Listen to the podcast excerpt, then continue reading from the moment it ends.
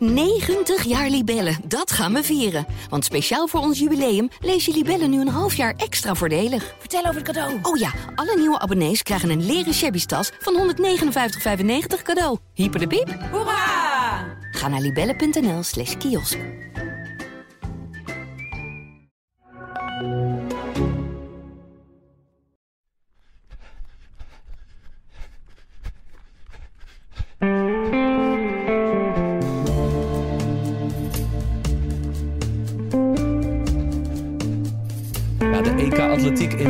Zijn in volle gang. Erik Brommert volgt het eh, op de voet vanuit Rotterdam. Ik, Pimbel, ik, eh, ik heb een hotel uitgevonden dicht bij het Olympiapark. Dus ik kan wandelen naar het Olympiastadion. Eh iconisch, iconische plek wel eigenlijk, hè, van de Spelen in 1972. Genoeg biergardens ook te vinden, zo dadelijk daar meer over. En eh, het is eigenlijk de ochtend na de marathon. Dus ook na het historische brons van Nienke Brinkman. Nog nooit was er een Nederlandse vrouw die op het EK op het podium eindigde. Ooit was er Gerard Nijboer in 1982. Kun je je dat nog herinneren, Erik? Ja, dat kan ik wel degelijk herinneren. Want eh, ja, in 1982 won Gerard Nijboer in Athene niet alleen het, eh, het goud op, op die EK. Maar hij maakte bij dit passant ook zijn veter nog eventjes even vast. Een paar kilometer voordat hij finishte. Wat eigenlijk voor alle kijkers op dat moment toch even wat, eh, wat, wat, ja, wat, wat, wat koude rillingen gaf. Van wat doet hij nu? Weet je, hij stopt en hij gaat zijn veters nog vastmaken. En vervolgens ging hij door. In een eh, ja, echt nog ouderwets singlet, weet je wel, met dat open gaas en zo. Het was helemaal nog geen sprake van ademend materiaal en dat soort zaken. Nog wel een, een mooi klassiek oud singlet, oranje tenue en, eh, en op weg naar de finish in het natuurlijk legendarische stadion in, in Athene. Dus ja, dat, dat kunnen we zeker herinneren. Kijk, hij, hij keerde met goud terug. Maar hij kwam er dus ook uit met een wijze les. Namelijk dubbele knoop. Hè? Goed je veters strikken. Absoluut. En daar willen we het eigenlijk vandaag ook een beetje over gaan hebben. Hè? Want ons viel op dat zowel Nienke Brinkman als Jill Holterman, later ook bij de mannen, eh, eh, ze komen over de finish en ze hebben gelijk het gevoel: dit en dit en dit had beter gemoeten. Dit en dit en dit heb ik zelfs fout gedaan. Of dit is er in de voorbereiding misgelopen. Dit moet ik in mijn eh, volgende voorbereiding gaan aanpassen. En ik denk dat dat voor heel veel lopers, en zeker ook marathonlopers, wel herkenbaar is. Hè? Dat je eigenlijk direct na de finish, misschien weet je het soms tijdens de voorbereiding al, maar direct na de finish wel de pijnpunten al kan aanwijzen. En dat deed dus zelfs eh Nienke Brinkman na het brons. Maar ehm, over die, zeg maar, die, die, die wedstrijdlessen, die marathonlessen gaan we het vandaag ook, eh, ook hebben. Ik denk heel, heel belangrijk. Want ik bedoel, ik denk dat iedereen zijn eigen verhaal naar de marathon heeft. Wat heeft hij goed gedaan? Wat heeft hij fout gedaan? Wat kan hij beter doen? Dus ja, dat is een, eh, een terugkerend geheel. En, en ja, ik denk goed om, eh, om dadelijk eens even iets over te hebben. Want ja, er is natuurlijk wel, best wel veel over gesproken na, na de race van gisteren. Ja, wil je al naar de race? Nou, nee, ik wil eigenlijk eerst ook wel eventjes weten hoe het, hoe het met jou daar is natuurlijk. Want ja, je bent eigenlijk ja, zo goed als terug uit Eugene van het WK. En vanuit het WK een paar weken later rol je gelijk weer naar München in. in, in. En ja, nou, weet je, laten we het zo zeggen. Wat heb jij geleerd van je WK en wat ga je nu toepassen op dat EK dan? Is of het, eh, hoe, Ja. hoe, hoe doe je dat? Hey, globetrot, hè? Gewoon de ene jetlag eh, net verwerkt en meteen alweer door naar München. Moet ik zeggen, het valt serieus mee. Ik heb een paar jaar, volgens mij toen ik 3, 4, 5 en 26 was... Toen deed ik ook het wielrennen er nog bij. Nou, dan, dan ging ik naar de Giro, de Tour, de Vuelta, de Ronde van Zwitserland, Parijs-Nice.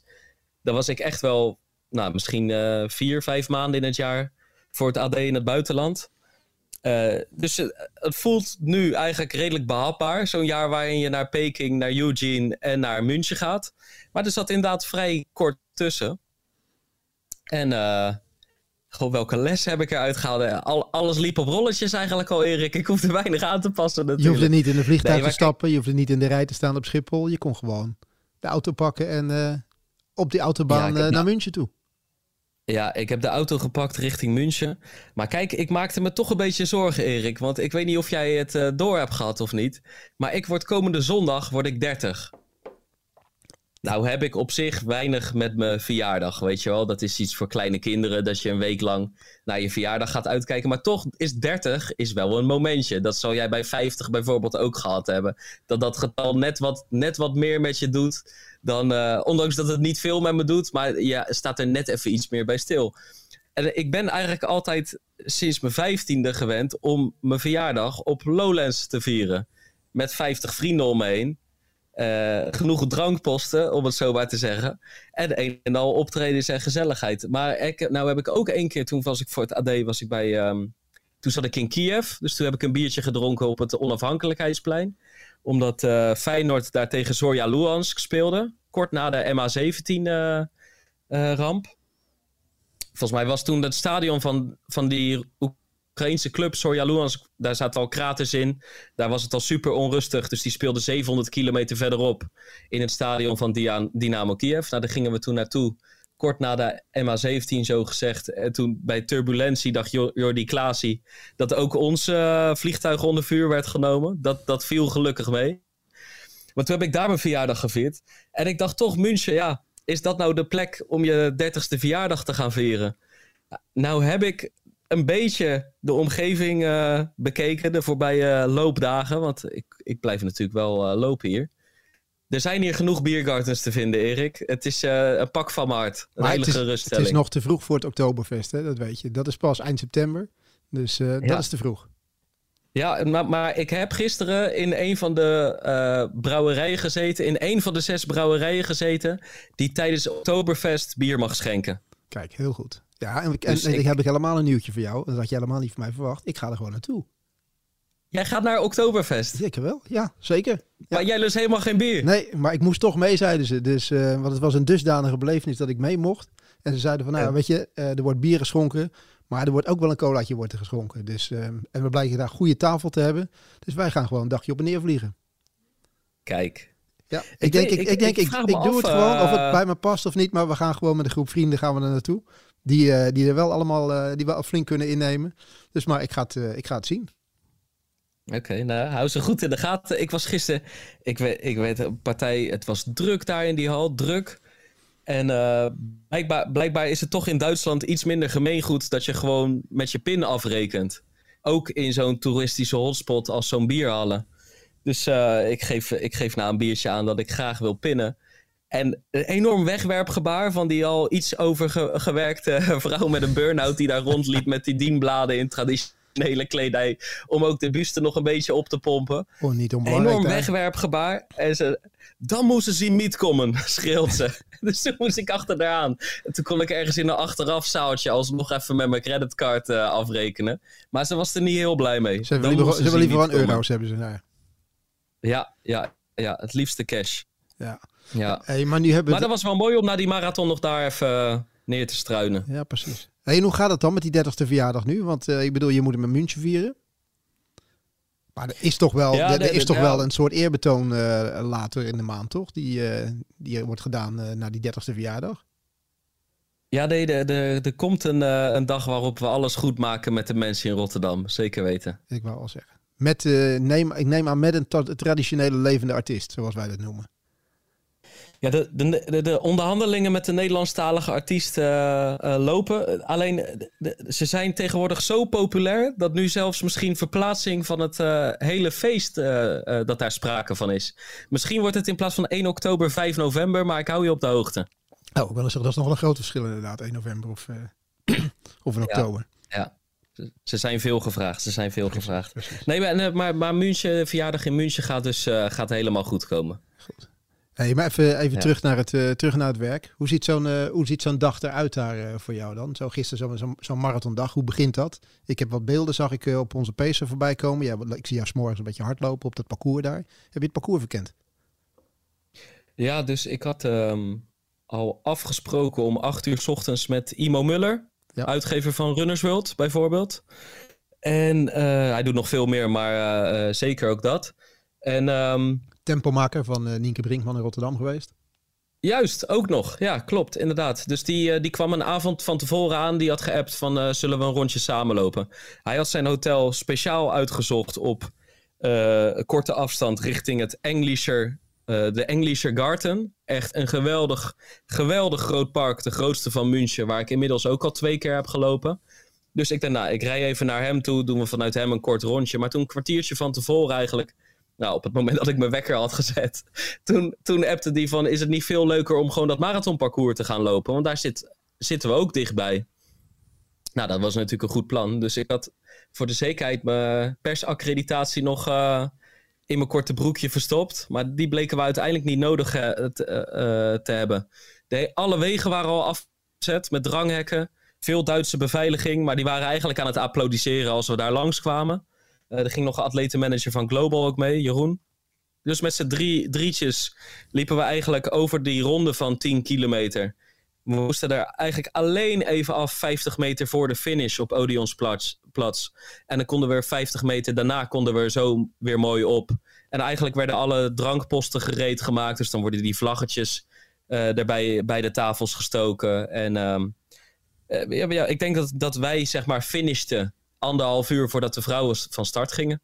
Wat vond je ervan, van het parcours? Had je gelijk een beetje een idee van, oeh, dat uh, is pittig of dat, uh, dat ligt misschien wel viel, de Nederlandse het viel, het viel, Ja, het viel me eigenlijk heel erg mee, want het gaat al, al een jaar en zeker ook de laatste week over de hitte. Er waren van de week zelfs uh, eh, 50 atleten die een brief hadden ondertekend uit een soort protest om de organisatie toch nog te forceren de, de start te vervroegen van die vrouwen- en de mannenrace. Um, maar toen ik dus liep tussen 8 en 9, toen was het bewolkt. Er stond een briesje, wat soms zelfs zorgde voor een soort vervelende tegenwind. Maar waardoor ik wel het gevoel had van, nou, dit gaat niet de hete dag worden. Dat, dat het zo'n slijtageslag wordt zoals we in Sapporo of in, uh, eerder bij de WK in Doha hebben gezien. Uh, ik dacht van, nou, dit is heet. Alleen als, als je daar als atleet goed mee omgaat, kun je gewoon een goede marathon lopen loop je misschien geen PR, hè, maar dat hoeft ook niet op een kampioenschapsrace. Dus dat idee had ik meteen. En um, verder, ja, dat heuveltje valt natuurlijk op. Dan ben je even aan het polsen van hoe zwaar is dat. Nou, dat gaat tijdens een marathon anders, uh, anders aanvoelen dan tijdens je easy rondje in de ochtend. Maar het is gewoon leuk om er een beetje voeling bij te krijgen, inderdaad. En wat de marathonlopers niet hebben gedaan en wij vanochtend ochtends wel. Ja, om je heen kijken en ook naar de de Ziegerstore en de andere highlights uit München even, even kijken. Precies, die we in de tv-verslag altijd wel gewoon meekrijgen. Ja, zoals ze ook in het tv-verslag nog even schakelden naar de biertuin in de laatste kilometer. Ja, precies. Op het moment dat, er eventjes, uh, dat het echt spannend werd. Ja, kansloos, uh, kansloos was dat verhaal. Hey, even over die, eh, die brief hè, die dan wordt gestuurd. Ik hoor daar ook al een aantal atleten over van ja, ik heb die gewoon niet getekend. Want uiteindelijk weet je gewoon uh, wanneer die wedstrijd gelopen wordt. Je bereidt je ook voor in die hitte. Dus ja, waarom gaan we dat er dan vlak van tevoren van afhalen? Want er zijn natuurlijk gewoon atleten die zich echt voorbereid hebben op een, op een race in de warmte en in de hitte. Ja, als het goed is iedereen eigenlijk, hè? toch? Ja, toch? Um, en ik belde, welke dag was dat? Donderdagavond, uh, dus dat was vier dagen voor de marathon, belde ik met Ronald Scheur, uh, voormalig Pecergast ook. Uh, die ging hier zijn derde zijn vierde EK lopen, zijn derde EK marathon. Hij was er ook bij in 2010 in Zurich en 2014, oh sorry, 2010 in Barcelona, 2014 in Zurich. En die was halverwege met zijn autotrip samen met zijn vrouw Jill Holterman, ook uh, marathonloopster hier. Uh, halverwege de autotrip op weg naar München. En uh, ze kwamen net uit de pizzeria. En die, ja, ik heb die brief heel bewust niet ondertekend. We weten het al een jaar. Een EK is altijd in augustus, dus het kan warm zijn. Het wordt waarschijnlijk zelfs warm. En daar kun je je tegen wapenen. En daar kun je je ook nog eens beter tegen, tegen uh, wapenen dan vroeger. Want hij had al begrepen dat er ook om de 2,5 kilometer, dus dat er om de 5 kilometer kon worden gedronken. Maar ook nog eens om de 2,5 ijs kon worden gepakt. Hij zei dat ijs, dat hadden we vroeger helemaal niet. Uh, er is ook steeds meer kennis over hoe je je tegen die hitte uh, hoe je kunt acclimatiseren, hoe je je lichaam bestand kunt maken tegen de hitte. Dus daar zijn allemaal trainingstechnieken voor. Bijvoorbeeld dat je kort na een training een warm bad instapt of nog even de sauna ingaat, meteen na je training.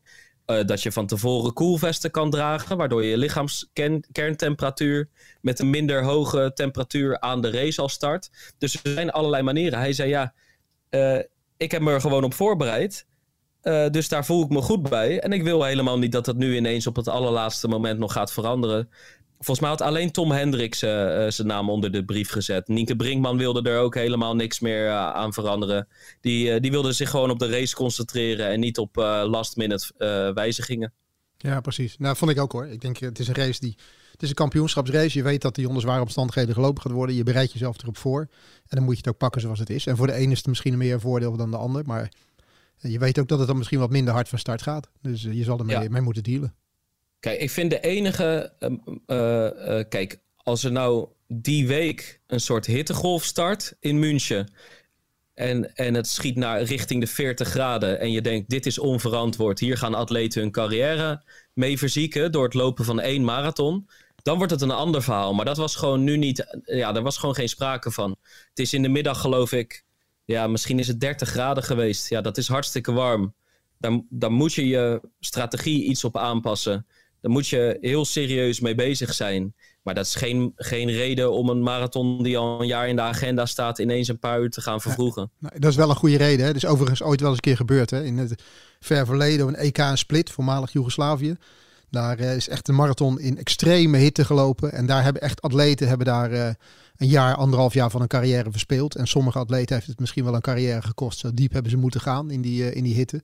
En ehm, ja, dat, dat, dat kan dan wel heel veel schade veroorzaken. Maar ik denk ook inderdaad, als er een hittegolf aankomt, zoals die bijvoorbeeld afgelopen week hier was, dan had die organisatie best wel aangepast. Dat, dat geloof ik wel. Maar onder de omstandigheden van gisteren was het volgens mij prima te doen als ik naar de atleten keek. Ja, precies. En weet je wie ik ook nog tegenkwam tijdens die parcoursverkenning? Geen idee. De vriend van Nienke Brinkman en haar zus. En uh, uh, die kende Imo, dus die groende, groette de haas uit april, zeg maar. En die bedankt hem nog even voor de bewezen diensten, bij wijze van spreken. Maar in elk geval, uh, dat waren niet de enige twee supporters van Nienke Brinkman. Want zij woont in Zurich.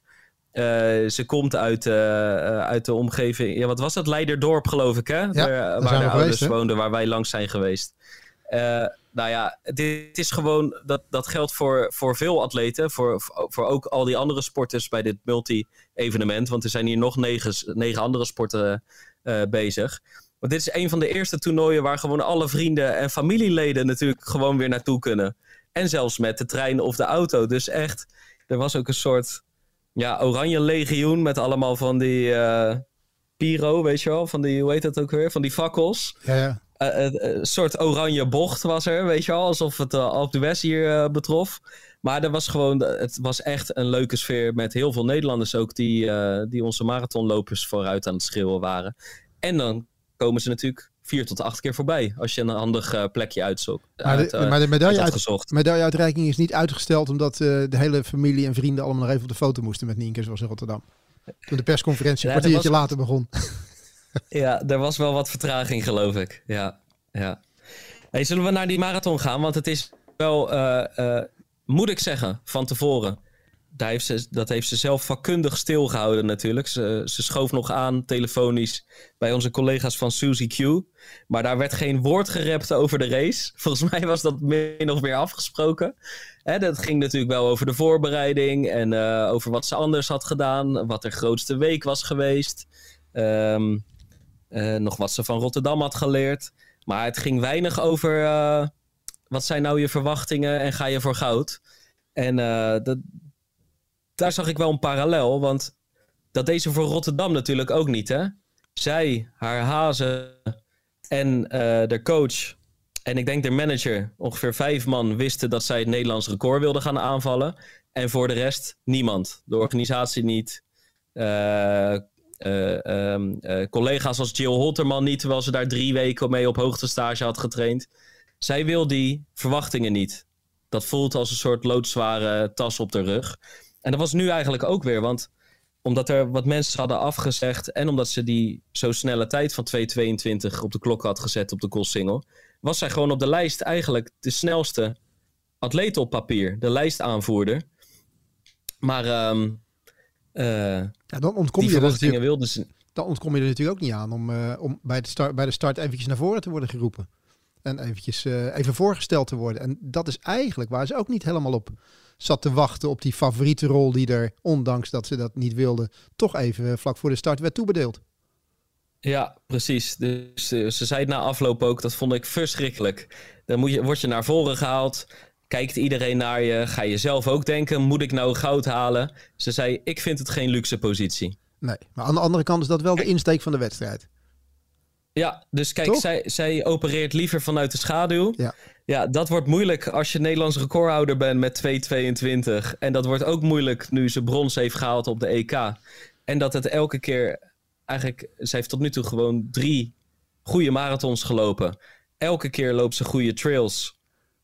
Ja, het is gewoon uh, uh, lastig voor haar om niet als een van de favorieten genoemd te gaan worden. Ook bij de volgende marathons waar ze loopt. Dus dat is wel iets, want ze heeft er dus moeite mee. Uh, tijdens de race trouwens niet hoor. Tijdens de race zei ze, heb ik er bijna niet meer aan gedacht. Je geeft net, net aan dat, dat Nienke nu eigenlijk drie hele goede marathons heeft gelopen.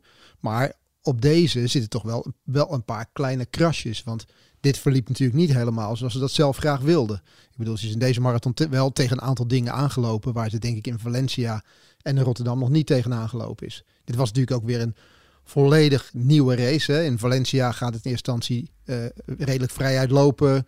Nog onbekend en, uh, en, en eigenlijk hartstikke goed gedaan. In Rotterdam ging het om tijd. Alles geregeld, hazen ervoor, strak tempo. Um, uh, ook op een manier lopen zoals zij dat graag wil. En nu, um, onbewust, maar tegelijkertijd ook bewust, want ze weten natuurlijk heel goed als favoriet aan de start komen te staan, daarmee om moeten gaan, maar tegelijkertijd ook een race moeten lopen die tactisch is, die helemaal niet over tijd gaat en waar je beslissingen moet nemen uh, onderweg. Um, waar je voor het eerst in oranje tenue loopt, waar je ja, je land moet vertegenwoordigen en waar echt nu voor het eerst echt prestaties werden verwacht. En eigenlijk wel gewoon een medaille van haar werd verwacht. En dat, ja, ja. daar heb je ook wel een stuk ervaring voor nodig. En dat, dat bleek achteraf ook wel. Ja, want ik denk, uh, uh, ze heeft gewoon uh, hartstikke goed gelopen. En dat zit hem dan ook in de verbeterheid. Dat eigenlijk bij 27 kilometer maagklachten naar boven komen. Dat ze bijna niks meer binnen kan houden. Dat ze af en toe tegen kotsen aan zit. Dat ze te, niet tegen opgeven aan zit. Maar ik bedoel, je lijf schreeuwt eigenlijk om opgeven. Uh, en dat, ze dan, dat het er dan toch lukt om tot, en met de tot in de laatste uh, kilometer eigenlijk met vier vrouwen om plekken 1, 2, 3 en 4 te knokken. En dat het er dan ook nog nipt lukt om die medaille eruit te slepen. Terwijl ze het, nou ja, iedereen kon zien wat voor lijdensweg het was. Weet je wel, die laatste kilometer vanaf het keerpunt van de Ziegers naar de finish op de Odeonsplatz. Ja, ze zei, die laatste 200 leken 5 kilometer te duren. Dan wil ik niet weten hoe, hoe die laatste kilometer, hoe lang dat voelde. Ja. Dat was een soort marathon die ze daar aan het lopen was. Maar wij konden natuurlijk ja, niet zien dat, dat, er, dat er problemen waren, dat er maagproblemen waren. Die, dat, dat, nee. dat, kon je, dat kon je uit de beelden kon je dat niet opmaken. Dus ik dacht eigenlijk wel, ze, ze zat in die groep, ze zat er redelijk comfortabel in. Ze, ze heeft een keertje in de tweede ronde een beetje aan de boom geschud op dat heuveltje, zeg maar, wat, uh, wat er was. En toen daar verder niks gebeurde en die groep best wel groot bleef, had ik eigenlijk gedacht in die laatste ronde op dat heuveltje, daar gaat ze het doen. Weet je, met dat trailverleden. Daar, uh, daar gaat ze het doen. En daar zag je eigenlijk al van, hey, daar, uh, daar, moest ze, daar moest ze volgen in plaats van zelf het initiatief nemen. Zonder dat wij natuurlijk wisten wat er, uh, wat er aan de hand was. Ja, dat was het. Dat we, en niet dat, dat ik er zomaar even op plekje 1 had gezet. Maar toen ze daar een paar meters moest afgeven, toen kreeg ik het gevoel van winnen wordt wel heel lastig. Dat bleek toen ook toen even later die Polsen echt wel uh, hard wegliep. Maar ik vind het echt knap hoe ze zeg maar ook wel niet alleen op klasse, maar ook wel gewoon echt op karakter dat brons heeft binnengehaald. Uh, maar ja, ze zei na afloop gaf ze ook gewoon echt hoe. Ze heeft gewoon een paar fouten gemaakt. Ze is, uh, in ronde 2 heeft ze heel veel op kop gelopen. Dus ook wel in de wind, want die stond er wel degelijk. Uh, ze heeft ontzettend vaak. Dat zag je niet zo, want als je, als je, als je die race bekeek, dan zat ze heel de tijd daar rechts vooraan. En dan leek ze heel comfortabel daar te zitten. Maar zelf heeft ze toch wel heel de tijd het gevoel gehad dat ze voor de positie heeft moeten knokken. En dat dat er heel veel energie kostte. Want ja, in april kon ze achter Guus en Imo aan. Uh, ging er niemand om de plekje dringen. Hè, ging er niemand dringen, dus niemand om haar plekje uh, wringen. En nu was het gewoon Af en toe leek het, zei ze, alsof ik naar, naar achteren werd geduwd. En dan kwam er een drankpost aan. Dan zei ze, dan stak ik netjes mijn hand uit. Maar dan werd ik er niet tussen gelaten. Ja, dat was helemaal niet gewend. Als ze in Rotterdam de hand uitstak, dan, uh, dan, dan kwam er een staande ovatie. En dan werd, het, werd een bidonnetje aangereikt. En hier lieten de concurrenten er niet tussen. Dus weer stress in het koppie. Weer, weer even gedrang, nervositeit. Uh, even, even een strijdje in een strijd om die, wel dat bekertje of die spons te pakken. En, en ze vond dat dus echt moeilijk. En ik denk dat ze er, uh, uh, ondanks dat brons, ook wel is achtergekomen. Dat zij liever op dit moment in elk geval in haar carrière, met nog maar drie marathons achter de naam, liever eigenlijk een geregisseerde race wil uh, of heeft. dan zo'n titelstrijd waarop, het, waarop zij voor de gevoel ook moet knokken tegen ja, loopsters met meer wedstrijdervaring. Want dat is het natuurlijk. Ze is gewoon be uh, begonnen met serieus hardlopen tijdens de pandemie. Uh, ze, ze, heeft ontzettend goede resultaten geboekt, ook in de trails, maar echt vaak voor je plekje knokken, voor het resultaat strijden. en dan niet op hoeveel, hoe groot je motor is, maar ook op tactische, strategische keuzes, heeft ze gewoon nog niet, niet vaak gedaan. En daar werd ze daar, ik weet niet of ze anders goud had gepakt. Maar het, he, het heeft, ze vond het wel gewoon lastig. En, en ik denk, misschien moeten we zo even naar de gaan luisteren trouwens, Erik. Ja, maar, ja, maar um, voordat, jij nog zeggen? Voordat dat vind, vind ik wel van, misschien vind ik het juist wel goed dat ze in deze periode van de carrière deze race loopt. Want het is een EK, het is geen WK voor Olympische Spelen.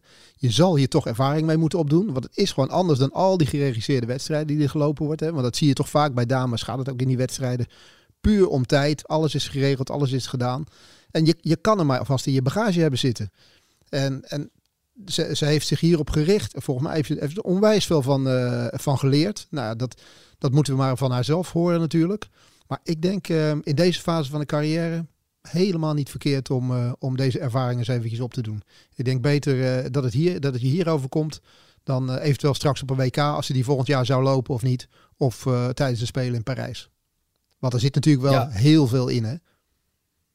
Ja, eens. eens want ik denk uh, uh, uh, dat ze dit eigenlijk hartstikke goed kan. En dat het dus op zich, dat ze ook nog in die laatste twee kilometer de juiste keuzes maakt. Om uiteindelijk toch nog op het podium te eindigen. Want als ze net wat verkrampter toch achter die polsen was aangegaan. dan had ze uiteindelijk geen derde geworden, weet je wel. Dus ondanks die totale verkramping in haar lijf die laatste kilometer. Want zo zag het er wel echt uit. Weet ze toch net, uh, uh, net binnen te slepen. Dus zullen we, zullen we even naar de luisteren. En ja. uh, excuses voor de geluidskwaliteit. Want dit is opgenomen met mijn mobieltje. in de, ja, dat noemen ze de mixed zone. Dat zijn eigenlijk de, de geïmproviseerde persgangen op Odeonsplatz. Maar op de achtergrond hoor je de speaker in München. En op een gegeven moment hoor je ook uh, vier Duitse vrouwen schreeuwen. Dat zijn marathonloopsters. Alleen op dat moment, in hun rug, wint Richard Ringer bij de mannen de uh, Europese titel. Dus dat is een beetje aan het einde van dit gesprek. Dan hoor je even geschreeuw. Maar focus je vooral op uh, Nienke Brinkman. Nou ja, ik ben wel eigenlijk echt heel blij met brons. Ja. Ik denk, ik moet beseffen, ik voel me gewoon nu niet zo heel lekker. Uh, ja, maar ik ben wel heel blij dat dit er nog... Want we zaten nog uh, die laatste ronde met nog vijf, vijf zes meisjes. En, van vrouwen, sorry. en ja, ik dacht, god, dit kan overal nog heen. Ik hing op een gegeven moment ook een beetje achteraan. Ik dacht, nou, kan ook zo tiende worden. Dus, ja. ja. Want er waren een paar meisjes, die Zwitserse, die, die heeft een Ja, en, ik dacht, en zij, zij ging ook, en ik, ik zat haar soms ook wel in de gaten houden. Dacht, oeh, die gaat ook sterk. Toen zette die Mirjam me echt aan. Op het klimmetje, hè? Ja, zij ging echt hard. Toen dacht ik, oeh, die gaat nu, die gaat nu. Toen dacht ik, ik ga mee, no matter what. En ik voelde me zo rot. Uh, ja, maar ja. Ik heb het idee dat je echt de zwaarste marathon tot nu ja, toe hebt gelopen. Ik, Veel zwaarder dan Valencia ja, en Rotterdam. Ja, ja, ja, dat ik me gewoon heel rot voelde. En ook lang dus, 15 kilometer ja, lang. Ja. En dan dit laatste eind waar geen uh, eind aan komt, ja. letterlijk. Oh, ik heb nog nooit zo lange 200 meter gelopen. Niet normaal. maar die, die, die Die leek me 5 kilometer. Wel langer. 2 huh? kilometer of zo, toch? Ja, ja, ja, ja oké, okay, maar toen, dan kom je bij die toren en dan moet je nog zo ver, terwijl eigenlijk helemaal niet ver is. Ja, Nou, nee, het was, eh, het was echt eh, niet zo'n leuke kilometer voor mij. Nee, en je bent, je, bent, je bent gewoon pas jong marathonloper, hè? gewoon pas net nieuw. Maar toch, als je een week van meer dan 200 kilometer draait, dan, dan ben je gewoon inmiddels ook een ervaren loper. Maar toch, eerste toernooi, eerste keer oranje tenue, eerste keer een strategische race. Ja. Wat, wat, wat heb je daar allemaal van geleerd van deze week? Eh, nou ja, vooral, vooral van de race vond ik het echt heel lastig dat eh, ehm, je positie. Als je een beetje in een groepje zit, word je heel snel naar achter geduwd eigenlijk, echt. Wat er, waar ik in het, eigenlijk in de eerste ronde heel erg van schrok. Opeens was ik helemaal, werd ik helemaal naar achter geduwd. Eh, en ook bij een, een zo'n voedingsstation moest ik echt.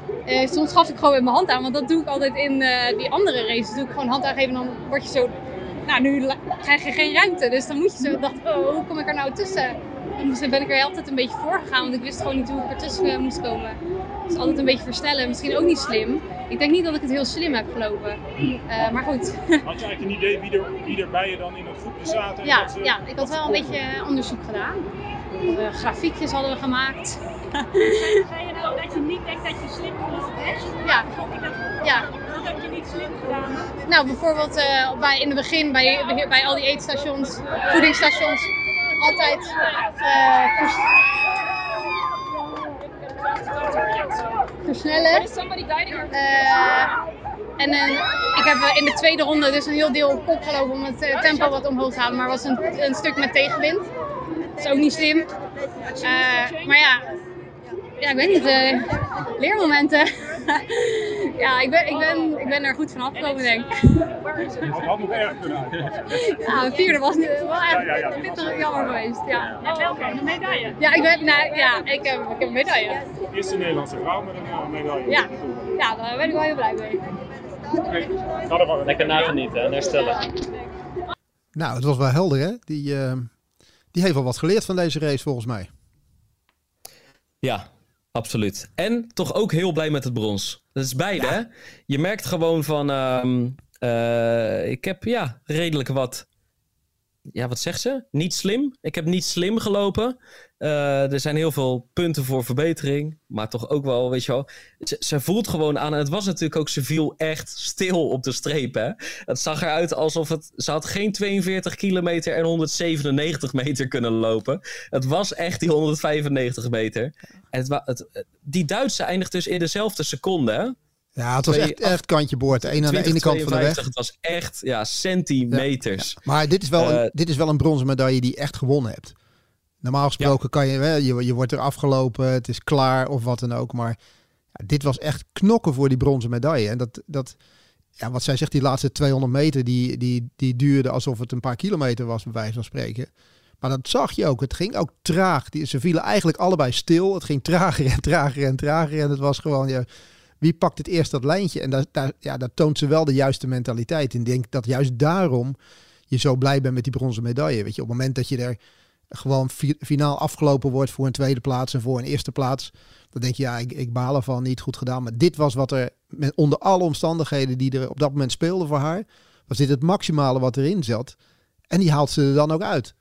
En ja, dat, dat zegt ook wel uh, veel over, uh, over haar instelling en haar mentaliteit. Want het, was, het was natuurlijk heel makkelijk om die kramp te, zeg maar, in te laten schieten en te laten lopen. En dat, ja, dat liet ze echt niet gebeuren.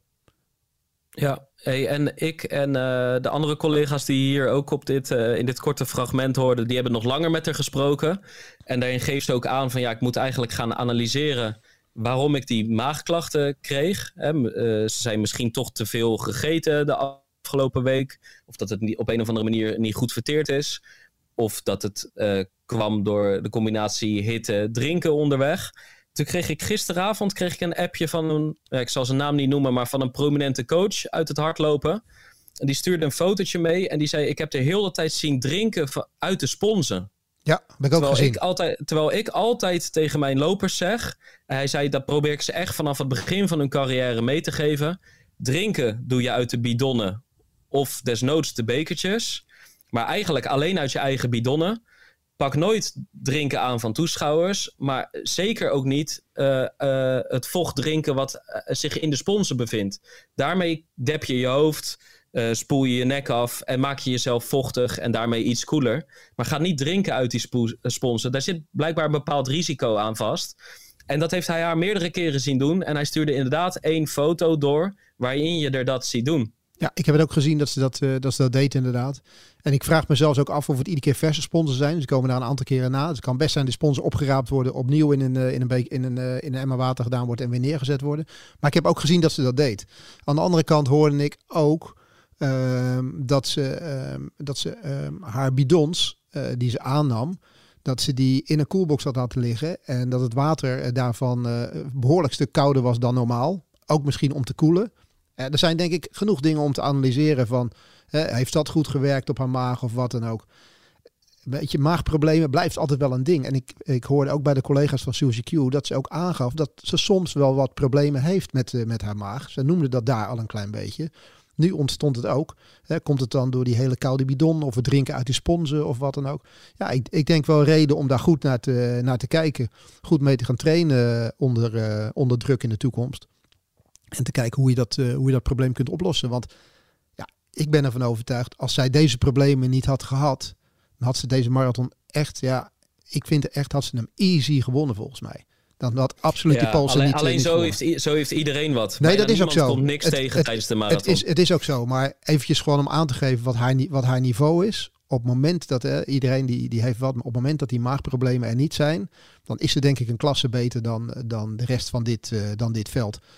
Alleen ja, eh, ga hier maar mee om. En ik heb het inderdaad ook gezien met die sponsen. Ik denk, niet- denk niet dat het heel erg handig is, want je weet gewoon niet hoe er omgesprongen wordt met die sponsen. Ja, nee, dus voor de duidelijkheid, we weten niet of het daaraan ligt. Het is alleen, het is echt iets waar, waar lopers onderling en coaches het wel echt over hebben van doe dat maar niet, want daar zitten risico's aan, eh, aan vast. Ja, maar zo leer je ook van iedere marathon. Hè? Ook deze. Je ziet soms dat er wat tempoversnellingjes waar het eh, zijn, die je normaal gesproken in die, in, die, in die vlakke race eigenlijk helemaal niet hebt. Hè? Halverwege zie je op een gegeven moment die Française die, eh, die denkt dat ze de dag van haar leven heeft, die flink gas geeft. Moet je dan, moet je dan reageren? Moet je dan meegaan of niet? Eh, en ja, en dat, maakt het, eh, dat maakt het soms lastig. Maar dat maakt het tegelijkertijd ook, eh, ook super leerzaam. En daar was bijvoorbeeld een Gerard Nijboer die tijdens het EK goud won. In het verleden was hij juist in die kampioenschapsraces was hij heel erg goed. Omdat hij gewoon heel goed wist hoe hij met plaatsen om moest gaan. En hoe hij wel of niet moest reageren op, eh, eh, op versnellingen die, die misschien in een bepaalde fase van de race belangrijk waren of niet belangrijk waren. Of zoiets had van nou, ik laat het nu maar lekker lopen. Want kijk gisteren naar, eh, naar de mannenrace. Naar de Duitse ringer. Ehm, wie had gedacht, vier kilometer voor het einde, dat hij die race zou gaan winnen? Want er moest nog wel een gat gedicht worden. En toen dacht je, nou, hij komt misschien nu in de kopgroep. Lopen weer twee mensen weg. Ehm, nou, het maximale wat erin zit, zit, is brons wat erin zit. Maar hij had het geduld om te wachten. Hij wist waar hij mee bezig was. En uiteindelijk pakt hij die race op een fenomenale manier. En ja, ik denk dat dat wel een stukje ervaring is. Ja, gigantische eindsprint trouwens. Ongelooflijk. Echt geweldig. En dan ook nog in je, dan ook nog in je thuisland, zeg maar. In je heimat. Dat is echt Ja. geweldig. Hij, eh, hij zei na afloop van het leek alsof ik drie benen had. Ja, je krijgt natuurlijk, gewoon- je krijgt natuurlijk gewoon zo'n erectie van zo'n ontvangst in zeg maar je thuisland. Ja, dat, dat, dat is wel lekker natuurlijk. Dat je gewoon op drie benen je marathon kan gaan lopen. Ja. En het was eigenlijk een strijd die hij voerde tegen volgens mij vier Ethiopiërs. Met de Israëlische nationaliteit. Want op een Ja, gegeven moment dacht ik, ik van, zag het, eh, eh, ik ik- zag alleen maar Israëliërs erin nou? lopen. Ja, ik zag. ehm, God, er was zo'n. Ik, ik ben even zijn naam kwijt, maar er was een prominente marathonloper. En die reageerde volgens mij onder zijn Instagram van... het is goed voor het lopen dat er een echte Europeaan heeft eh, gewonnen. Ja. En, en kijk, ik vind oprecht hè... Kijk, de wereld is van iedereen. Iedereen mag gaan wonen waar hij wil. We moeten ze allemaal... eh, zo, zo sta ik in het leven, zeg maar. Weet je wel? Gewoon, iedereen is overal welkom. Maar wat je gewoon bij de EK's ziet... eh, dat er ook wel echt bepaalde landen zijn, eh, Israël, Turkije, die gewoon lopers uit bijvoorbeeld Kenia voor geld overhalen om voor hun land uit te komen. Die halen daar hun paspoort op en die zijn weer weg. En die verslaan vervolgens mensen uit Duitsland of Groot-Brittannië in het lopen. Ja, dat heeft niet zo heel veel. Dat heeft gewoon niet zo heel veel te maken met eh, strijden om de medailles tussen Europeanen op een EK. Ik vind het heel anders. Kijk, bijvoorbeeld, je hebt voor Israël heb je ook Lona Salpeter. Die werd gisteren volgens mij derde bij de 10 kilometer. Kijk, die heeft een Israëlische man en die spendeert daar heel veel tijd gedurende het jaar. Ja, dan vind ik het een compleet ander verhaal. Zoals het ook een compleet ander verhaal is. Abdi, Sifan, weet je wel. Die zijn inmiddels van, van Nederland en die zijn trots om voor Nederland uit te komen. Maar je, je hebt gewoon bepaalde vrouwen en mannen, bijvoorbeeld die voor Turkije uitkomen. Die hebben in Istanbul een keer hun paspoort opgehaald. Die krijgen maandelijks een bedrag op hun rekening gestort. Ja, dat is, dat is echt wel een ander verhaal. En ik kan me best voorstellen dat het dan best zuur is om daar achter te eindigen. Ja, je ziet het steeds dus dat meer. het in dit geval ook extra mooi is dat dan de Duitser in, eh, in München het lukt. Absoluut. Want je ziet het op WK's ook hè, met Bahrein en, eh, en Qatar. Die, eh, die doen dat eigenlijk ook. Ja. Waardoor je steeds Ja. meer zeg maar, Kenianen en Ethiopiërs ziet die eigenlijk in eigen land net niet goed genoeg zijn om aan die toernooien deel te nemen. Die eigenlijk een soort transfer maken naar, naar een ander land. Wat je zegt, daar een paspoort ophalen, een salaris krijgen en vervolgens voor dat land uitkomen op een, eh, op een groot toernooi. Ja, en ik begrijp het eigenlijk nog vanuit die atleten wel. Want dat zijn vaak atleten die die, die, die keuze maken. eh, omdat ze gewoon vanuit hun jeugd eh, er nou niet echt een stabiele financiële basis is geweest. En ze daardoor voor hartstikke veel vrienden en familieleden kunnen zorgen. Maar als je uitzoomt, is het gewoon ja, je reinste sportswashing. Die, gewoon de, de bobo's in Qatar. Die, die gebruiken eigenlijk op zo'n moment die Kenianen om, om aan de rest van de wereld te tonen wat voor goed sportland Qatar is. Terwijl dat natuurlijk dat heeft niks te maken met een goede sportinfrastructuur of goede opleiding. Dat heeft gewoon te maken met eh, ja, oliedollars. Ja, precies. Hey, en hoe heb jij, hoe heb jij verder die, eh, die race eh, gevolgd? Want ik kijk er op tv naar. Hoe volg jij hem vanuit, jou, vanuit jouw kant in München? Sta je langs de kant of heb, zit, je, zit je achter de monitor? Of hoe, hoe zie je dat? Nou ja, ik had eh, ontzettend veel spijt dat ik eh, niet op de barricade was gaan staan om die marathon een paar uur te vervroegen. Want het was godsamme 48 graden in die perstent. Ik weet niet, daar hadden ze best een airco mogen neerzetten. Dus eh, nee, dat was afzien. Nee, dus we zaten eh, ehm, eh, 100 meter na de finish. Was, was een provisorische tent opgebouwd. En daar kon je dan je laptopje openklappen en op schermen naar die eh, wedstrijd kijken. Maar ik ben ook nog eh, op de mediatribune pal naast de finish gaan zitten. Waar eh, ze starten, finishen en ook nog twee keer passeerden. Dus niet tijdens die rondes, maar wel tijdens de eerste en de laatste lusjes. Als ik het even goed zeg. Dus dat, dus dat was hartstikke, hartstikke leuk om te zien. Want dan zit je er wel echt met je neus bovenop. Waar- Waardoor je bijvoorbeeld ziet dat Koen Naert, de eh, man die in Berlijn nog Europees kampioen werd, eh, de, de Belg, dat hij echt ongeveer een minuut voor de start zijn koelvest nog aan had. Ik vind die kleine details, dat vind ik leuk om te zien als je er met je neus bovenop zit. Dat je echt een inkijkje krijgt en daarbij niet alleen... ehm, eh, eh, hoe noem je dat? Niet alleen leunt op, op wat de regisseur in beeld brengt, maar dat je zelf kan kijken waar je blik op gericht is. Precies. En krijg je dan nog een beetje, als je in die perszaal zit, krijg je een beetje, krijgen jullie tussentijden door? Of wat krijgen jullie? eh, Ja, maar ik vond het moeilijk te volgen, dit toernooi. Maar misschien had ik gewoon niet de juiste site bij de hand. Dat kan ook. Maar ik heb, nee, ik heb die vrouwenrace perfect kunnen volgen. Alleen, zoals je net hoorde aan het geschreeuw in het geluidsfragment... Ja, sta ik eigenlijk met Nienke Brinkman te praten op het moment dat, eh, dat de mannenrace zich eh, ontvouwt. Of althans, dat de ontknoping daar eh, gaande is. Dus daar heb ik echt weinig van gezien. Ik heb later de beelden van die eindsprint gezien. Dat is het voor- en nadeel van sportverslaggever zijn. Je zit er met je neus bovenop. Je ziet meer dan de meeste mensen thuis. En je hoort meer dan de meeste thuis, omdat je met de hoofdrolspelers spreekt.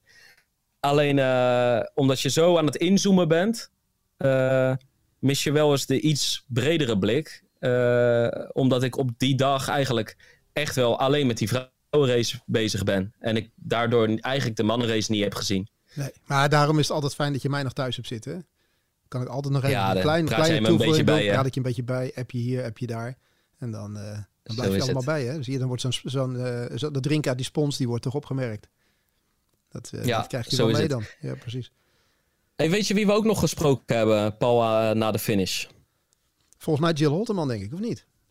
Ja, ja eh, meervoudig eh, gast in de pacer uiteraard. Werd 21ste. Volgens mij 2,34 en een beetje. Het heeft natuurlijk een persoonlijk record van 2,28 en een beetje staan. Eh, was ook al op de Olympische Spelen in Sapporo actief. En ehm, zullen we even naar de luisteren? Goed idee. Chill. Hoe is het?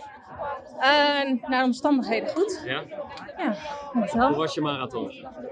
Eh, even denken hoor. Zo een tijdje geleden. Eh, ja, ik denk wel goed. Nee, ik heb wel het maximale eruit gehaald. Ehm, een beetje voorzichtig begonnen, omdat ik wist dat ik niet genoeg kilometers in mijn benen had om echt vanaf het begin te pushen. Dat bleek ook wel, want die laatste ronde kwam evengoed nog wel echt eh sufferfest. Dus afzien. En eh, ook als ik nu gewoon allemaal spieren en alles voel, dan merk ik gewoon, ik moet consistenter worden in trainen om echt de volgende stap te kunnen zetten.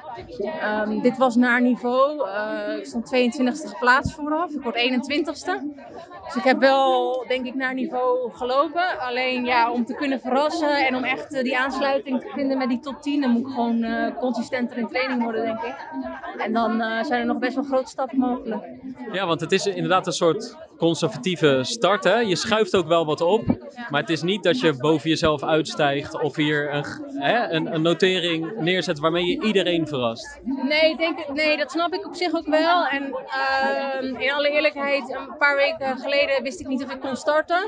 Eh, ik heb wat hamstringproblemen gehad. Ehm, dus ik heb eigenlijk in het midden van de voorbereiding drie weken eh, weinig kunnen doen. Een week van 60 kilometer of zo. Ehm, en toen werd het echt wel een soort van eh, ja, spoedcursus marathon wil ik het niet noemen. Maar, maar wel dat ik dacht, oké, ik moet nu even wat, nou, ri- geen risico's nemen. Want dan wist ik dat het fout zou gaan. Maar wel echt, ja, best plat gaan. Eh, nee, dus ik wist, in zo'n modus moest ik echt even een stapje erbovenop doen om hier fit aan de start te staan en gewoon goed niveau te kunnen laten zien. En ik denk ook dat ik dat heb gedaan. Eh, ik loop dicht in de buurt van dames die een, PR hebben die veel, dat veel sneller is van mij. Dus misschien is het voor de buitenwereld niet de verrassing ehm, en is het een, een, een, zeg maar, een stabiel niveau. Ehm, ik hoop gewoon dat ik vanuit dit stabiele niveau ehm volgende keer wel die stap kan maken en de aansluiting kan maken naar de, naar de. Ehm, ja, het is warmer dan, dan vooraf gedacht eigenlijk. Of tenminste, eh, het was natuurlijk const- constant wel een item van eh, hoe je je voorbereidt. Ik had me goed voorbereid op de warmte. Ik heb echt wel veel eh, warmteacclimatisatie gedaan. Dus ik heb er ook niet echt last van gehad. Maar ik merkte, de temperatuur loopt op. En op een gegeven moment kwam die zon erbij. En dat voel je echt. Het is best wel warm en ook wel benauwd. Alleen ik had een hele goede spoelstrategie die ik natuurlijk vorig jaar ook heb kunnen toepassen in Sapporo. Ehm, dus wat dat betreft eh, heb ik geen last gehad van de warmte, maar gewoon last van de afstand. En eh, dan merk ik dat ik gewoon nog niet de kilometers in de benen heb om echt nog een keertje die extra stap te kunnen maken. Maar eh, dat komt wel goed. Ik ga nu na deze marathon eens gewoon goed nadenken. Wat kan ik doen om te zorgen dat ik belastbaarder word en niet eh, steeds die onderbrekingen heb. Want dat is eigenlijk wel een patroon in mijn carrière. Dat ik onderbrekingen heb, blessures heb. En eh, om, dan moet ik gewoon onder controle zien te krijgen. En dan weet ik zeker dat er nog veel meer in zit. Heb je een, heb je een idee? Ehm, nou, misschien is het te veel pieken en dalen. Ehm, ik heb best een agressieve loopstijl. Ik loop wel redelijk op mijn voorvoeten. Eh, Ik kom natuurlijk ook van de baan. Dus ik loop ook misschien wat agressief voor een marathonloopster. Eh, ik doe echt wel ook veel oefeningen, krachttraining, et cetera. Maar er zijn gewoon zwakke plekken en eh, die moet ik gewoon sterker zien te maken. En als ik dat, ja, wat ik zeg, onder controle weet te krijgen en meer kilometers consistent kan maken, dan denk ik dat er echt nog veel meer in zit. En voor nu heb ik het maximale eruit gehaald, denk ik.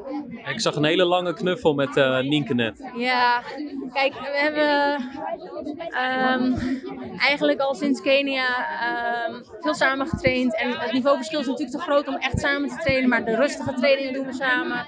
Eh, we starten samen met tempo training. Alleen we doen het op ons eigen niveau. We, we doen niet, niet samen. Want ja, zij is natuurlijk gewoon zoveel beter.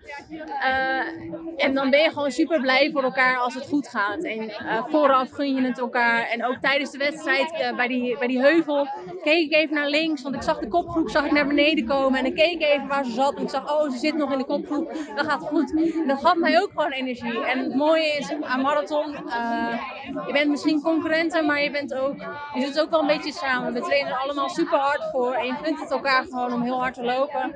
En ik denk dat er een hele mooie vriendschap is ontstaan vanuit de vele uren die we eh, samen gebikkeld hebben in Kenia, in St. Moritz. En ja, we hebben gewoon hele leuke klik. Dus wat dat betreft, ik was super blij dat ze in elk geval een medaille had. Uh, ik had van tevoren misschien gehoopt dat ze goud zou pakken. We hadden misschien gehoopt op een teammedaille. Nou ja, dat zat er dan helaas niet in. Uh, maar ja, je hebt gewoon geen garanties. Dat is topsport.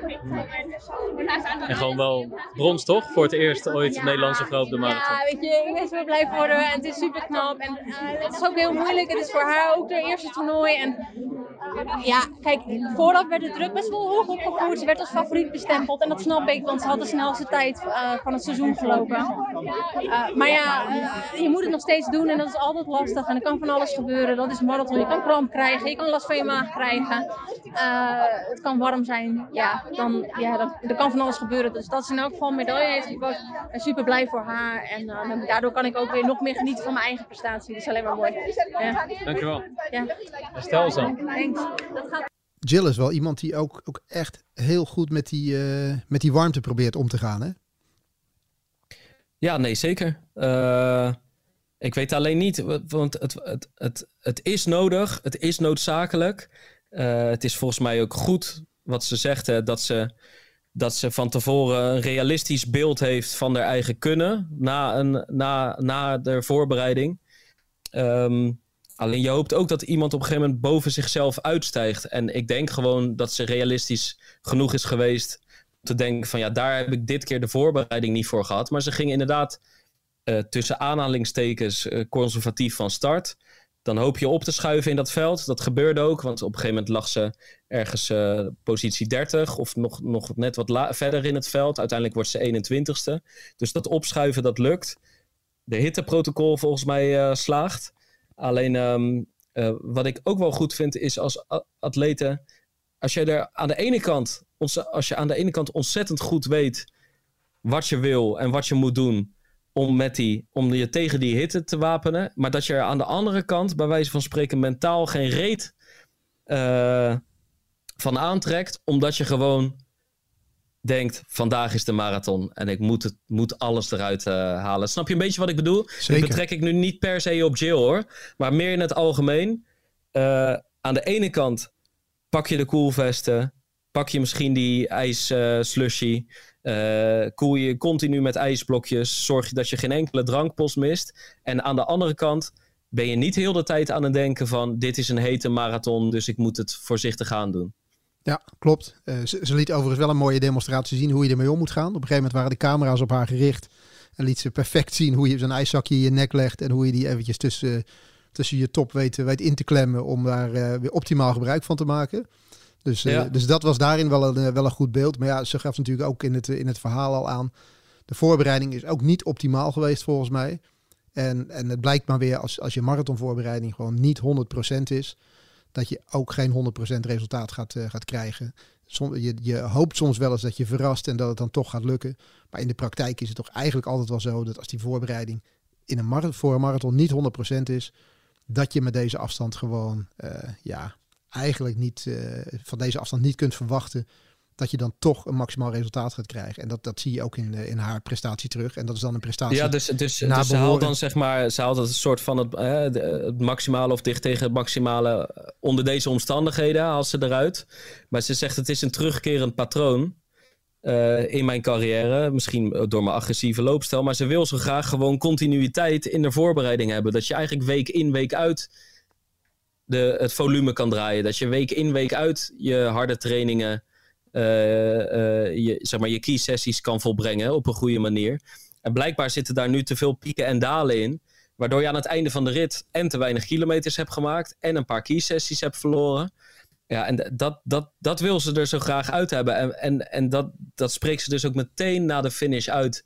En ik denk dat dat voor. Um, dat, dat, dat, dat, is voor velen herkenbaar, toch, Erik? Dat je eigenlijk meteen na je marathon, en ze weten het natuurlijk al voor de marathon, maar meteen na de marathon weet ze van: oké, de volgende voorbereiding, die wil ik op deze manier gaan draaien. Is ook, dat is ook zo. Want je, je, je, je, kijkt gelijk terug op eventueel de fouten die je gemaakt hebt, of wat ik het wel of niet moeten doen. Maar tegelijkertijd heb ik dan zoiets van: moet je dan, maar moet je ook maar moet je dan als atleet in die voorbereiding, als je toch al redelijk ervaren bent, misschien wel gewoon durven zeggen van... ik ga toch niet aan de start staan. dit is, eh, dit is eind augustus. Ik zorg dat ik wel 100% fit ben. En ik kies in een najarenmarathon waar ik dan maar wel optimaal aan de start ga staan. Nou, maar ik vond, er, ik vond er goed genoeg, hoor, absoluut, om hier aan de start te staan. Ze wordt er gewoon 21ste op dat EK. En 234 zit ook weer niet gigantisch ver van de, eh, eh, tot, tot dit moment de beste tijd af. Hè? Nou ja, wat was het? 227? Ja, maar goed, dit is een. Het is, andere, het is een andere marathon, maar wat ik een beetje, ja, beetje bedoel, van je, je, je- na- natuurlijk, als je over de streep komt, dan denk je, ja, dit had ik anders moeten doen, inderdaad. Maar eh, ja, een, een marathoncarrière voor een professionele atleet is ook niet heel erg lang. En, eh, en zo'n EK is een, mooi, eh, is een mooi toernooi. Maar misschien als die gewoon niet optimaal is geweest, kan het ook een les zijn die, je- die je trekt van, nou ja, een volgende keer ehm, moet, ik, moet ik misschien eh, toch dit dan, dan durven schrappen. Want als, als dat hele goede resultaat er niet in zit, eh, wil ik mezelf misschien de kans geven om dat twee maanden later wel te, wel te kunnen of te willen doen. Nou, nee, ik begreep wel dat ze liep, eigenlijk. Oké, oké, oké. Maar goed, eh, dat, je, dat je naar de rand eh, weet wat er gebeurd is en wat je anders wil doen. Ja, dat is, dat is inherent denk ik aan een marathon. Ik denk dat jij het meegemaakt hebt. Jill maakt het nu mee. En eh, je, hebt het, eh, je hebt het gezien aan, aan Nienke, die eh, in de voorbereiding een week heeft gemaakt van 200 kilometer. En zegt van, nou, ik heb dat een keer ervaren, maar ik ga het niet nog een keer doen. Volgende keer ga ik, ga ik wel die uren maken, maar dan ga ik dat deels op de fiets doen, ga ik het deels lopen. En, en ik denk dat inderdaad voor, voor- Jill zal, zal uiteindelijk het, het regelmatig volume moeten kunnen maken. En zonder dat er kleine pijntjes ontstaan, zal, zal de volgende stap moeten zijn in haar carrière. Om uiteindelijk wel op deze dag nog even iets verder boven jezelf uit te stijgen. Ja, ik heb het laatst ook met eh, Guido, eh, ik denk anderhalve week of twee weken geleden, heb ik echt precies dat van Jill. Nou, nee, nee, niet precies, want ik ben eigenlijk de laatste tijd helemaal niet geblesseerd geweest. Maar er zitten wel pieken en dalen in mijn weekvolume, zeg maar. De ene week is 120, de andere week is 60 omdat er dan een wedstrijdje en een festivalletje voorbij komt. Maar ik, ja, we hebben eigenlijk besproken dat dat de volgende stap is. Dat ik gewoon... eh, ik had 10 weken gemiddeld van 90 kilometer gedraaid. En we willen nu gewoon 10 weken van gemiddeld 100 draaien. Dus dan mag het een keer onder de 100 uitkomen. En je hoeft je echt niet elke dag blind te staren op het weekvolume. Maar omdat je het over een langere periode gaat rekenen... eh, eis je of vraag je van jezelf, verlang je van jezelf continuïteit, stabiliteit in het trainen. Dus we willen van die 90 naar minimaal 100 gaan. Dus dat, moet dat, dat zorgt gewoon voor een soort afspraak met jezelf. En dat, dat is wat ons betreft waarschijnlijk de volgende stap voor mij. Dat ik gewoon stabieler een hoger weekvolume ga draaien. Waardoor je lichaam nou ja, op allerlei manieren efficiënter met dat lopen omgaat. Dus ook wij hebben bij mij mijn pijnpunt aangewezen. Maar bij En jou, ik- maar bij jou is, het, eh, is het er gewoon iets meer voor laten. En voor een professionele atleet als Jill is het niet een kwestie van er iets meer voor laten. Die, eh, die, die zal het in, in, op andere eh, plekken moeten gaan zoeken om het erin te krijgen. Hè, jij zegt, ik heb nog een het hier of ook- daar. ook, misschien, Ik, eh, ja, maar het is ook, misschien moet zij wel een zware sessie ervoor. Ja, niet, niet qua levensstijl, qua, qua drank of feestje, maar wel eh, qua gewoon het inrichten van die loopjes.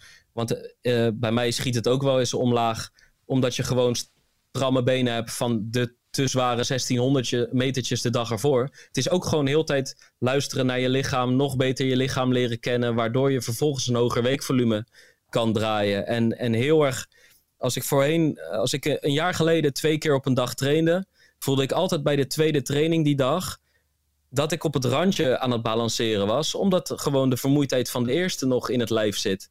En ik treed steeds meer gewenning toe.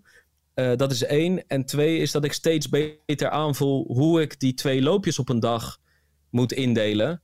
Waardoor ze heel goed samengaan, in plaats van dat je lichaam er echt last van heeft. Dus het is soms ook gewoon het maken van looptechnische keuzes. eh, om wel of niet aan dat weekvolume te, te kunnen komen. En je lichaam moet het ook aankunnen. Hè? Die moet er ook wel aan wennen. Ik bedoel, je, je kan Ja, het wel ja, willen. dus het is maar dat voorzichtig heeft ook tijd opbouwen inderdaad. Precies. het heeft wel tijd Welke, welke meest wijze marathonles heb jij, eh, herinner jij je uit jouw marathoncarrière, zeg maar, dat je na de finish dacht, hier en hier schort het aan, dit en dit heb ik fout gedaan, dit moet anders. Ja, de meest wijze les is, is heet dat, te veel eh, in één race, volgens mij ergens in, nou, dat een tijd geleden, in 92, te veel kopwerk te hebben gedaan. Te agressief, te graag willen. Ehm, terwijl ik gewaarschuwd was dat tevoren, weet je, blijf gewoon meelopen in de groep, doe geen gekke dingen, zorg dat je gewoon voldoende drinkt. En dat je, weet het, eh, dat je niet met je kop in de wind gaat lopen en al dat soort dingen. En ehm, ja, de- ik heb eigenlijk, ik kwam er na de race pas achter, alles behalve dat gedaan. Zo'n race waar je denkt van, nou, ik ben er helemaal klaar voor, gaat helemaal goed komen. Waarbij je tussen 25 en 30 gewoon eh, lekker met je snuffert in de wind op kop gaat lopen. Uh, denk, dat, uh, dat je de hele race aan kan. Uh, zonder dat je er erg in hebt dat je eigenlijk na die 30 kilometer echt nog 12 kilometer moet en veel te overmoedig bent, bent geweest. En dat heeft er wel voor gezorgd dat ik bijvoorbeeld daarna een keer een race loop waar ik gewoon super geduldig was. En mezelf op geen enkele manier uit de tent heb laten lokken. En gewoon rustig ben gebleven. Mijn eigen race heb, heb gelopen. Een paar keer in de verleiding kwam van moet ik nu versnellen of moet ik niet versnellen. Niet gedaan. Wachten, wachten, wachten. Tot ik gewoon 100% zeker wist dat de afstand die nog komen kwam. Of die nog zou komen. Dat ik die kon overzien op het moment dat ik zou gaan versnellen. En dat, eh, die les van die race waar dat echt verkeerd in ging. Op 35 ging ik echt, kwam ik eigenlijk nog helemaal goed door. Op 36 ging het volledig mis omdat ik er gewoon ja, volledig verzuurde, helemaal in één keer doorheen zat. Het kan van het een op het andere moment gebeuren. En ik kon gewoon niet meer schakelen op dat moment. En dat was gewoon puur te agressief, iets te overmoedig, uh, iets te wel overtuigd van, uh, van mijn eigen kunnen. Ja, dat was wel een hele harde les. Ja, ja. Ja, kleine overeenkomst met natuurlijk mijn marathon in 2.28.12. Toen ik toch ook wel bij de, bij de Erasmusbrug bij kilometer 27 dacht van ja, ik ben zo goed heb de dag van mijn leven, dus laat ik nu alvast gaan, uh, gaan versnellen. Niet, niet te robuust, dus ik heb me daar ook niet volledig opgeblazen. Maar beter was geweest te wachten met diezelfde benen en diezelfde vorm.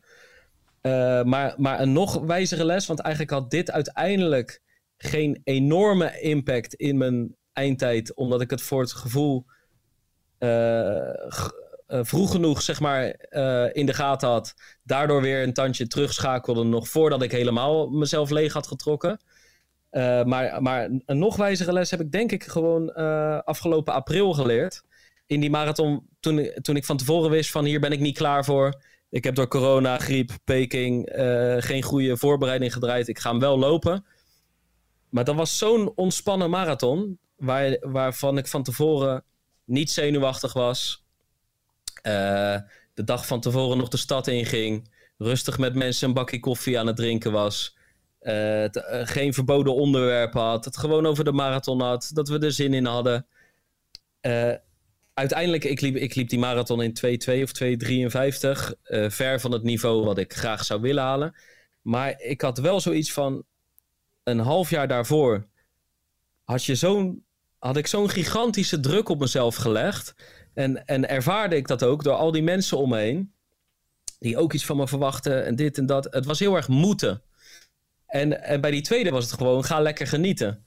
En, en ik heb wel zoiets van, ik, ik, had, ik kwam die marathon uit. En toen dacht ik, kijk, de volgende keer dat je weer voor een PR wil gaan, dan, dan gaat het niet zo plezierig en ontspannen zoals nu zijn. En dan horen daar zenuwen bij. Maar ik dacht, ga daar dan wel de volgende keer een soort middenweg in vinden dat, het, dat je iets meer daar het gevoel hebt. Ik weet niet of je me begrijpt of je me kan volgen, maar dat je iets meer het gevoel hebt van. Je hebt er wel al, je half jaar zo goed als alles voor over gehad. En, en, en je wil die tijd, maar dat het iets. Dat het, en dat, en dat, dat er druk op staat en daar horen zenuwen bij. Maar dat, dat je er iets vrijer in probeert te staan. Ik vind het best wel een lang betoog eigenlijk. Ja, het is een ontzettend lang betoog. Met ook ontzettend veel herhalingen volgens mij. Ik weet niet of je vader er nog is, zeg maar. Nee, nee, nee. Maar je snapt wel wat ik bedoel, ik toch? Je... Volgens mij is dat namelijk wel uh, uh, die, die druk die ik uh, daarvoor, uh, dat was eigenlijk net te veel. En het is net goed gegaan. Maar die hele week daarvoor was gewoon niet heel leuk. Pas op de dag van tevoren appte ik jou van nou, nu zit het wel goed, weet je wel. Ja, ja. Dat was rijkelijk later. Zes dagen daarvoor dacht ik, hoe moet ik in godsnaam op deze twee benen marathon gaan, uh, gaan lopen? Ja, maar je ziet inderdaad, in iedere marathon is dat. Je hebt het bij het WK gezien. Het verhaal waar Abdi direct mee kwam na de, nadat hij over de streep kwam iedereen heeft gewoon zijn, zijn, zijn eigen beleving en wat er in die twee, eh, in die twee uur met, met hem of met haar gebeurt. En, en hoe ga ik daar volgende keer beter mee om? Het is gewoon echt een, een, een, ja, een, een extreem moeilijke afstand. Uh, Gerard Nijboer noemde het altijd een, uh, een energievraagstuk. En de vraag is, hoe ga jij daar op die dag gewoon het allerbeste mee, uh, mee om? En ik denk, daar kunnen we uren over blijven, over blijven lullen. Maar ja. iedere marathon zal je weer denken van, nou, hier heb ik weer, uh, hier heb ik weer net eventjes iets gedaan wat niet goed is. Moet ik volgende keer weer beter doen.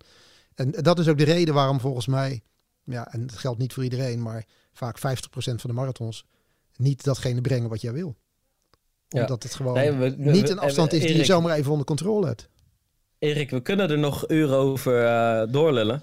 Maar dat mag natuurlijk niet, want wij zouden het heel dit seizoen niet over de marathon gaan hebben. Nee, nee maar daarom, eh, daarom moeten we daar ook maar stoppen. En jij moest natuurlijk gisteren ook heel snel schakelen. Hè? Want ja, je, je zit helemaal in marathon parcours lopen, met Nienke praten, met, met Jill praten.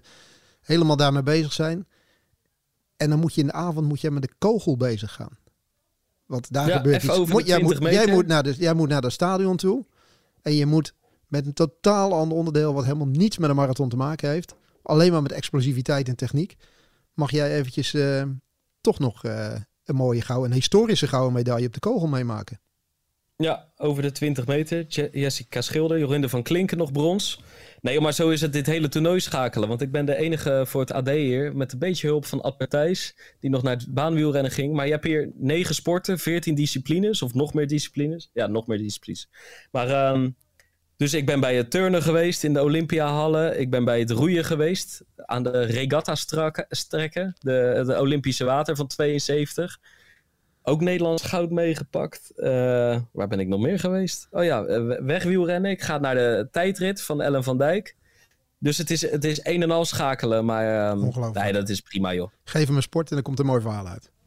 Ja, ja, ja. Hey, het en, liefst eh, toch de marathon. Hoe ziet... Ja, dat weet ik, weet ik. Maar daar moest, we ja, het is niet gelukt om daar niet over te praten. We moesten onderuit. Hoe ziet de Nee rest... maar, nee, maar we geven de schuld aan Nienke Brinkman. We konden er niet omheen. Absoluut, ja. ja, ja, ja, ja. Hey, en ehm, hoe ziet de rest van de dag eruit? Ehm, ja, maar deze, deze aflevering komt op woensdag online. Eh, dit is dinsdagochtend. Eh, ik ga zo een interview uitwerken. Vanmiddag naar het stadion. Daar lopen Lieke Klaver en Femke Bol de 400 meter halve finales. En dan eh, in de avond staat alweer discuswerpen met Jorinde van Klinken eh, op het programma. Precies, dus op het moment dat je deze in de oren Jessica hebt... Schilder echt een geweldige uitspraak na dat goud. Die zei eh, meestal, kijk meestal, we spraken er ongeveer, we spraken er tussen ehm, de winst en de ereronde en de medailleceremonie in. Dus heb je even, is daar zo'n 20, 30 minuten waarin ze de pers eh, langs gaat. Nou, en omdat ze gewonnen had, was dat een aardige eh, rondgang. Maar we spraken er en in plaats van dat ze ze probeerde eigenlijk zo ver mogelijk bij de emoties eh, vandaan te blijven. Want ze zei, ik ga er gewoon echt niet te veel bij stilstaan nu, zei ze. Een beetje half verontschuldigend. Dus ik vroeg eigenlijk van, want wat zou er gebeuren als je er wel bij stil zou staan? Want we hebben het hier over een vrouw die vorig jaar nog anderhalve meter minder ver eh stoten. Ook helemaal nog geen Europese of wereldtop was. En dat nu ineens wel is geworden in een jaar waarin ze zeven keer haar eigen nationaal record heeft verbeterd. Dus, maar ze wilde er niet zo bij stilstaan. Ik zei, wat zou er gebeuren als je dat wel zou doen? Zei ze, ja, dan komen er zoveel tranen dat Nederland geen watertekort meer heeft, zei ze. Kijk, beter, betere metafoor kan er niet zijn, toch? Nee, dat is wel goed toch? Wel een gevoelige, maar goed. Ja. Ja. Maar ehm, wanneer spreken we? Ja, wij spreken elkaar volgende week of die week erop, denk ik weer. Hè, Erik, jij Ja. gaat gewoon, eh, eh, denk ik, en schoenen verkopen. En wanneer het kan, eh, lang uit op de bank, hè? Ja, nou ja, vanavond kan ik even niet lang uit op de bank. Ik moet vanavond gewoon aan de bak. Jij gaat, oh, de Ronde van West. De Ronde van West. Ik sta hier gewoon tijdens die podcast met mijn bidonnetje Morten eventjes. Om alvast een beetje te laden. Ja. Maar de Ronde van West is vanavond daar. Dus dat betekent, daar moet en het, eh, en het EK Atletiek en de Champions League voetbal moet daar gewoon voor wijken. Want om half negen, Ja, dan ja. is het, eh, om half negen, dan gaat het gebeuren. Eh, ik had Ewout, die jongen die op mijn schema's loopt. Vriend van me, die had ik nog naar je toegestuurd. Is langs Die geweest is hoor. voorzien van de verse schoeisel om de Ronde van West te gaan vlammen. Ja, staat ook Hoe, aan de hoe loopt dat parcours? parcours loopt eigenlijk een klein beetje deels zoals die half ook gelopen is. Beetje langs het water, onderaan de Brienoordbrug. Rondje rondom de Van Van Gent-kazerne heen. Lange weg weer terug. Het zal een graad of 23 zijn. Er staat geen wind. Dus eh, geen excuses. Er moet, er, gewoon, eh, er moet gewoon gelopen worden. Hey, en eh, wordt er een verwachting opgeplakt? Of doe je een brinkmannetje en hul, hul je jezelf in nevelen? Nee, nee, nee, nee, nee. Ik ben gewoon open boek. Ik ben gewoon open boek. Ik, eh, ik heb getraind afgelopen week. Ik heb naar jouw adviezen geluisterd. Ik heb geen gekke dingen gedaan. Ik heb voor mijn gevoel verstandig getraind. Dus ik denk, ik, ik ga gewoon naar die jonge dertiger ga ik luisteren. En, eh, maar ik durf wel om een, aan om een klein risicootje te nemen vanavond. Ik ga toch proberen te kijken of ik die 40 minuten kan breken. Kijk. Of ik het ga redden of niet, weet ik niet. Maar ik heb altijd gezegd, één keer per jaar moet dat gebeuren. We zijn nog net over de helft heen. Vorig jaar heb ik tot eind december gewacht. En ik wil hem eigenlijk toch wat vroegtijdig in de pocket hebben. Misschien is het wat overmoedig. Zoals ik net al sprak over die, eh, over die marathon van een heel aantal jaar geleden. Maar ik, eh, ik ga toch een kleine poging maken. Gewoon vlak weg. Ja, ik vind het mooi. 357, 358. En kijken of ik hem, eh, hoe lang ik hem vol kan blijven houden. Ik vind het mooi. Erik Brommert gaat eh, de ronde van West lopen met zijn ballen en zijn hart. Precies. Het is niet anders. Gewoon, eh, gewoon zeggen hoe het zit. Ja. Hey, zorg even voor een fotootje of een filmpje. Dat die vanavond op onze socials kan. Nog net op tijd om morgen gewoon de, de afbeelding van deze aflevering erop te knallen. Zou zomaar Maar ik ben benieuwd, man. Ja, nou ja, ik denk wel dat ik tot het gaatje zou moeten gaan. Dus als er een foto komt, dan zal die niet heel fris uitzien, denk ik. Nee. Hey, en ik eh, zorg voor een fotootje dit weekend in de Biergarten. Lijkt me een goed plan. Dan weet, ik, welke, eh, weet ik een klein beetje waar ik naar uit moet kijken over een maand. Juist, juist, juist. hey, dat was hem, hè? Ja, lijkt me goed. Ik vond het een, eh, Oké. ik vond het een goede evaluatie. Ja, succes vanavond. En voor de eh, luisteraars, blijf luisteren, blijf lopen en tot de volgende Pacer. Dit is de gevreesde zoemer die na 60 seconden pitchen afgaat.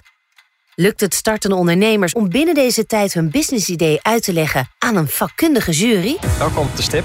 Ben je er klaar voor om jouw pitch te gaan geven? As ready as can be, ja. Ik ben er klaar voor. Denk het wel. Ik, Fabienne de Vries, neem jou mee in Droomstart. Die klok maakt je wel zenuwachtig. Een unieke podcastserie van de ondernemer waarin we ambitieuze Nederlanders volgen bij het starten van hun eigen onderneming. Ik kan me niet voorstellen dat iemand hier komt, ik ben beter dan Google. Maar wat ik wel weet, is dat zij het niet doen. En jij bent erbij. Vanaf die eerste spannende pitch tot aan de meest cruciale momenten van hun weg naar succes. Ik heb nooit geleerd om te zeggen van, eh, oh, ik ben het waard. Volg Droomstart in je favoriete podcast-app en mis niets van dit unieke kijkje achter de schermen. Droomstart is een initiatief van de ondernemer en podcastbureau As We Speak. 90 jaar Libellen, dat gaan we vieren. Want speciaal voor ons jubileum lees je Libellen nu een half jaar extra voordelig. Vertel over het cadeau. Oh ja, alle nieuwe abonnees krijgen een leren shabby tas van 159,95 cadeau. Hyper de piep. Hoera! Ga naar libellen.nl slash kiosk.